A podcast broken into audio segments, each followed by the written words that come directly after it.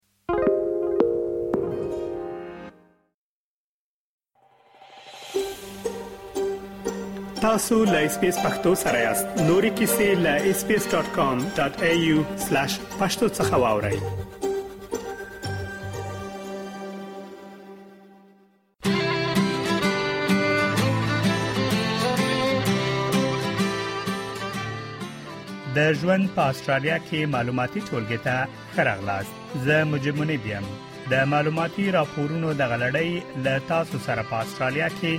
د کیمشتیدنې په برخه کې مرسته کوي ترڅو تاسو دلته د خپل کور احساس وکړئ د استرالیا اصلي اوسیدونکي لسګونه زره کاله اوږد تاریخ لري او په دوو ډلو ویشل شوي چې یوې ډلې ته ابوریجنل او بلې ډلې ته تورستریټ آیلندرز وایي د 2014 کال د سرشمیرنې آمار ښیي چې په استرالیا کې نږدې 800 زره بومیان ژوند کوي او د دغه هیواد 3.3 سلنه نفوس جوړوي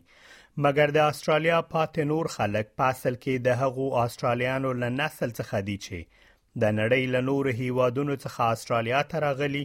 او اوس مهال استرالیا د بیلابیلو کلتورونو د خلکو ګډ کور دی د ویسټرن سیدنی پوهنتون استاد ډاکټر احسان آذری وایي د استرالیا لومړني اوسیدونکي شاوخوا 15 زره کال وړاندې له آسیا څخه استرالیا ته راغلي او دلته یې خپله استوګنه پیل کړې ده. دغه دوه نومونه دوی ورته ابوریجینل وایي، هغه بومیان هغه اصلي اوسیدونکي د استرالیا او همداراز د استرالیا شمال ختیځ خواته یو ټاپو دی چې هغه توري ستریت نومیږي. د دې ټاپو اوسیدونکي هم دغه دوه نومونه دوی لري چې دوی کابو پنځه شپېته زره کاله مخه د لومړي ځل لپاره استرالیا ته راغلي دي او دوی د د آسیایي هېوادونو نه چې استرالیا ته نږدې دي له دې ونه راغلي دي او په ډېرو بسیتو کشتیو کې دوی استرالیا ته راغلي او ځانونه یې په هغو ځایونو کې چې سیندونه وو یا شنې سیمې وې یا ساحلي سیمې وې په دې سیمو کې دوی ژوند پیل کړی دی ښاغلی ازری وایي د دوی د اصلیت په اړه نور نظریات هم شته چې دوی لومړی له افریقا څخه آسیا ته او بیا له آسیا څخه استرالیا ته راغلي او د دوی په د اصلیت موضوع باندې نور تیوری ګانې هم شته از این مورخین وایي چې دوی اصلا له افریقا نه راغلي دي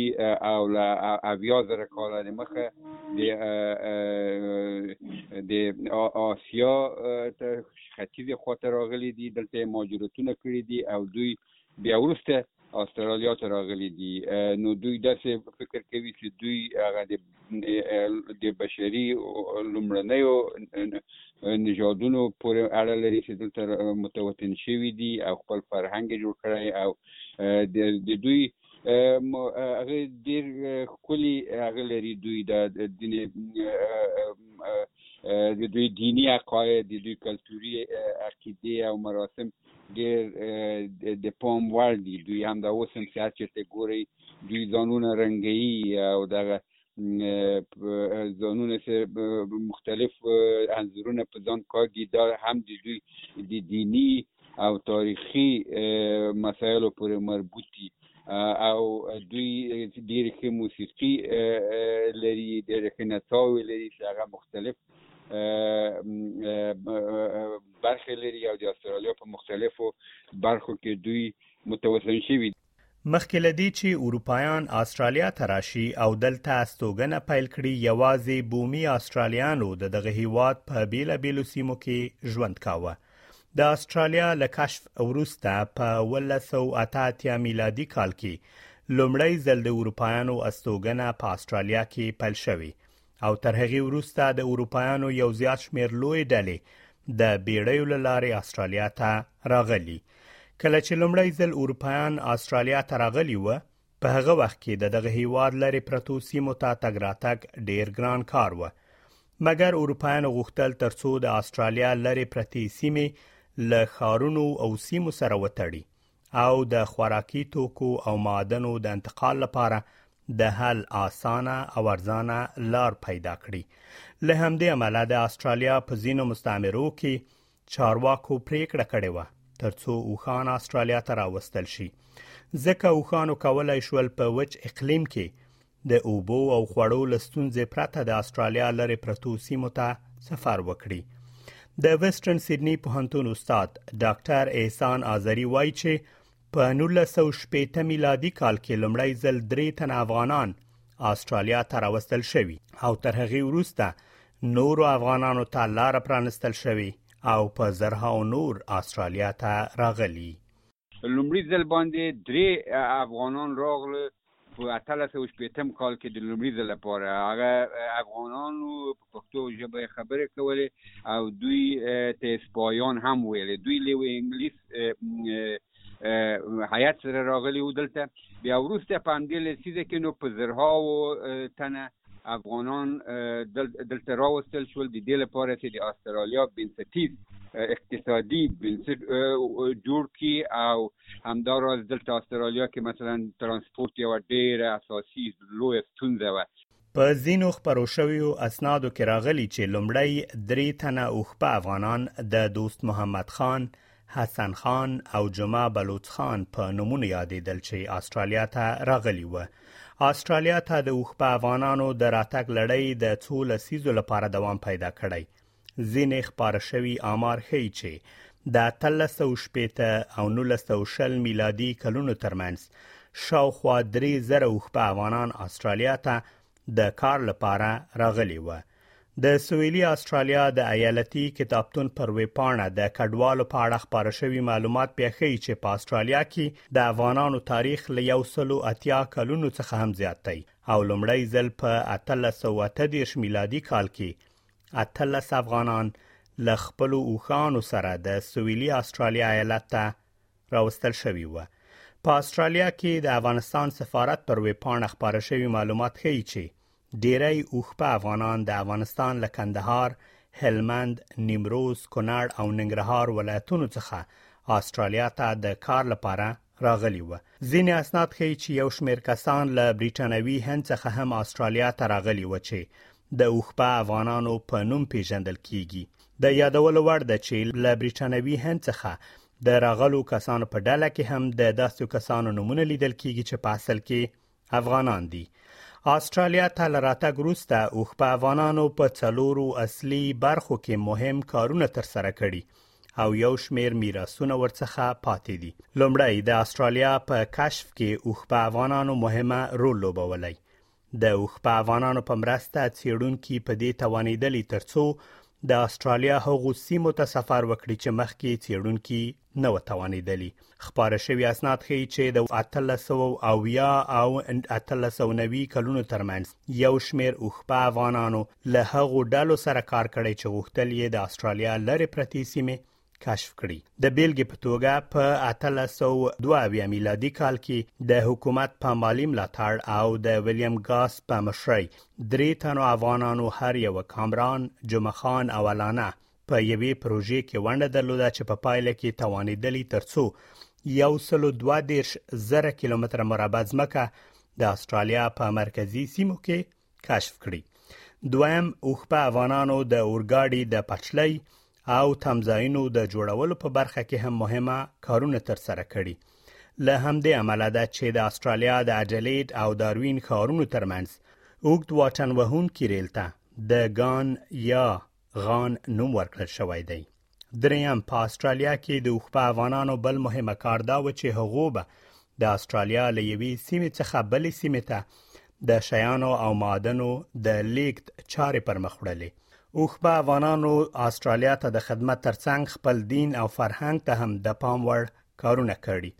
او د دغه هیواد په تاریخ کې لومړنی جماعت جوړ کړی دی ښاغلی ازری وایي چې اوښپه افغانانو له خپل دین او کلتور سره مینه درلوده له همدې امله استرالیا ته له راتګ سره یې دلته جوماتونه جوړ کړي لومړی شی د دوی دا و چې افغانان تل د خپل دین او په خپل فرهنګ باندې ډیر مینه لري دوی چې راغلل لومړي ځل لپاره نو دوی به جوماتونه جوړول علي سپرینګ کې د دوی هغه مهم مرکز و نو دوی دلته یو د خرما باغ جوړ کړ چې په دې بڼ باندې نوم کېښود د مکې خرما خرما بڼ او دغه اوس هم شته هلته اوس به لوی شوی یم ما خو په خپل نه لیدلی ما په کتابونو کې ویلی ده چې دغه دغه افغانانو دلته ایښی ده او دوی لومړني مسلمانان او افغانان دي چې دې هېواد ته راغلي او دې هېواد ته زیات خدمتونه کړي دي دې هېواد هغه بنسټیز اقتصاد یې جوړ کړی ده راپورونه ښیي چې په اتلس سوه یو شپېته میلادي کال کې د افغانانو له راتګ وروسته د سویلي استرالیا په مري سیمه کې لومړنی جومات جوړ شوی له یاد جومات وروسته اوښ په افغانانو په اتلس سوه اته اتیا میلادي کال کې د اډیلیډ ښار لوی جومات جوړ کړی او تر هغې وروسته د استرالیا په نورو سیمو کې هم د اوښپه افغانانو لخوا جوماتونه جوړ شوي ډاکټر آزری وایي چې لیکوالان او تیړونکو په خپلو لیکنو او فلمونو کې له اوښپه افغانانو څخه په ښه نوم یادونه کړې ده. زیاتره هغه اکاډمیکې څېړنې چې شوي دي، فلمونه جوړ شوي دي، په دېو کې چې زه وینم د استرالیا لیکوالانو ډېر وفاداري کړې ده او حقایق یې ویلي دي، ډېر په ښه صورت سره یې ویلي چې دا ډېر غیرتي قوم و، دلته چې راغلي دي موږ له دوی نه ډېر زده کولو چې دوی د دوی په منځ کې مثلا د غلاوې یا مثلا د دوی په منځ کې هیڅ یو یو هغه ما پیدا کړل چې د دوی په ټول تاریخ کې چې دوی دوه کار کړی وو یو دا اوس یو بل سره دغه د افغانانو د عادت ته چې دوی انتقام اخلي دوی لکه چې یو افغان کوم کار کړی و دلته بیا بل افغان راجک شوی ولاړ شوی و هغه بلې وزلی یو دغه هغه په اصطلاح منفي هغه پاتې ده او بل دا ده چې دلته دوی مقاومت کړی ده مسلحانه استرالیا کې لومړنی ځل وخت چې ترکانو د جنگ د غربیانو انګلیسانو سره شونو افغانان چون مسلمانو دوی د ترکانو طرفداري کوله نو دلته د استرالیا دولت له انګلیس نه د سخت دفاع کوله دلته یو یو شمیر همدا اوښباران راولاړ شول دلته مقاومت مسلحانه مقاومت د استرالیا دولت په باره کې کړی دی ښاغلی ازری وایي څومره خدمت چې اوښبه افغانانو استرالیا ته کړی په هغه اندازه د دوی له کارونو څخه ستاینه نه ده شوې نو په ټولیز ډول باندې د دوی هغه خدمتونه چې کړی دي استرالیانو د دوی منت مني خو په رسمي ډول زه د دولت باندې نیوکه کوم چې له بده مرغه دغه دولت د استرالیا هغه شی چې دوی حق وو او هغه شی چې دوی حق ده او مسلما دوی کار کړی ده دې خاورې ته له انګلیسانو نه زیات کار کړی ده منډې تړلې کړي دلته په لوږې تیرې کړي دي ولیکن دوی ته خدمت کړی نو ولیکن هغومره قدردانی په رسمي ډول باندې نشته ډیری تاریخ پوهان لیکي چې استرالیا ته د اوښپه افغانانو راتګ تر 1900 میلادي کال پورې دوام پیدا کړی او تر هغه وروسته نور اوخپه افغانان استرالیا ته نه دی راغلی اوخپه افغانانو اجازه نه درلوده ترڅو خپل کورنۍ له افغانستان څخه استرالیا ته راولي له 1920 میلادي کال وروسته یو زیات شمیر اوخپه افغانانو بیرته هڅه کړې ترڅو افغانستان ته ستانه شي خو یو شمیر بیا په استرالیا کې پاتې شوی او له بومیانو او اروپایانو سره یې ودونه کړي د استرالیا په اډلیټ ښار کې لیکوال او څېړونکي ډاکټر پامیلا راجکوسکي وایي چې د اوښ په افغانانو قصه د دوو لویو وچو یا برازمونو داستان دی هغه وایي چې دا خلک د افغانستان له ځینو برخو او بلوچستان څخه له مختلفو کلتورونو سره راغلي و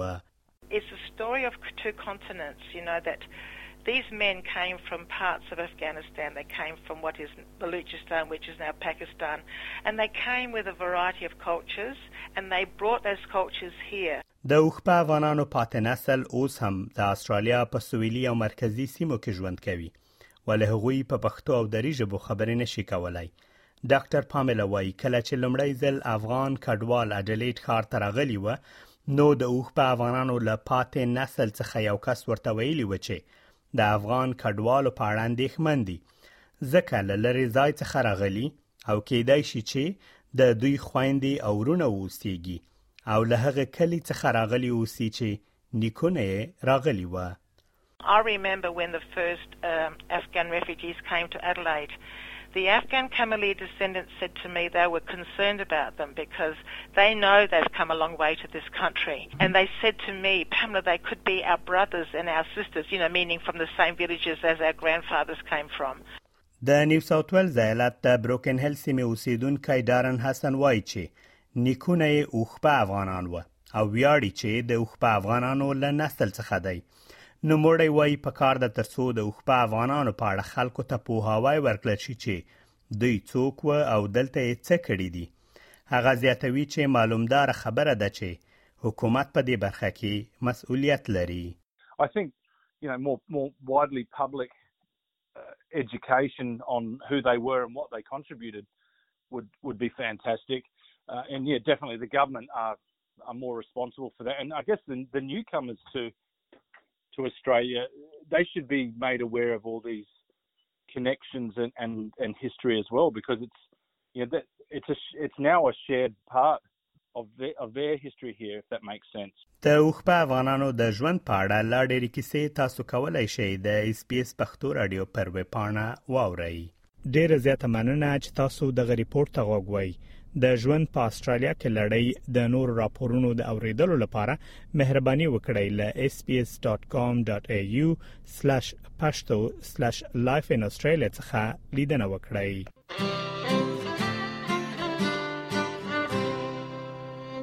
اس پی اس پختو په فیسبوک کې تا کې پلی مطلب یو فاک کړئ نظر ور کړئ او له نورو سره شریک کړئ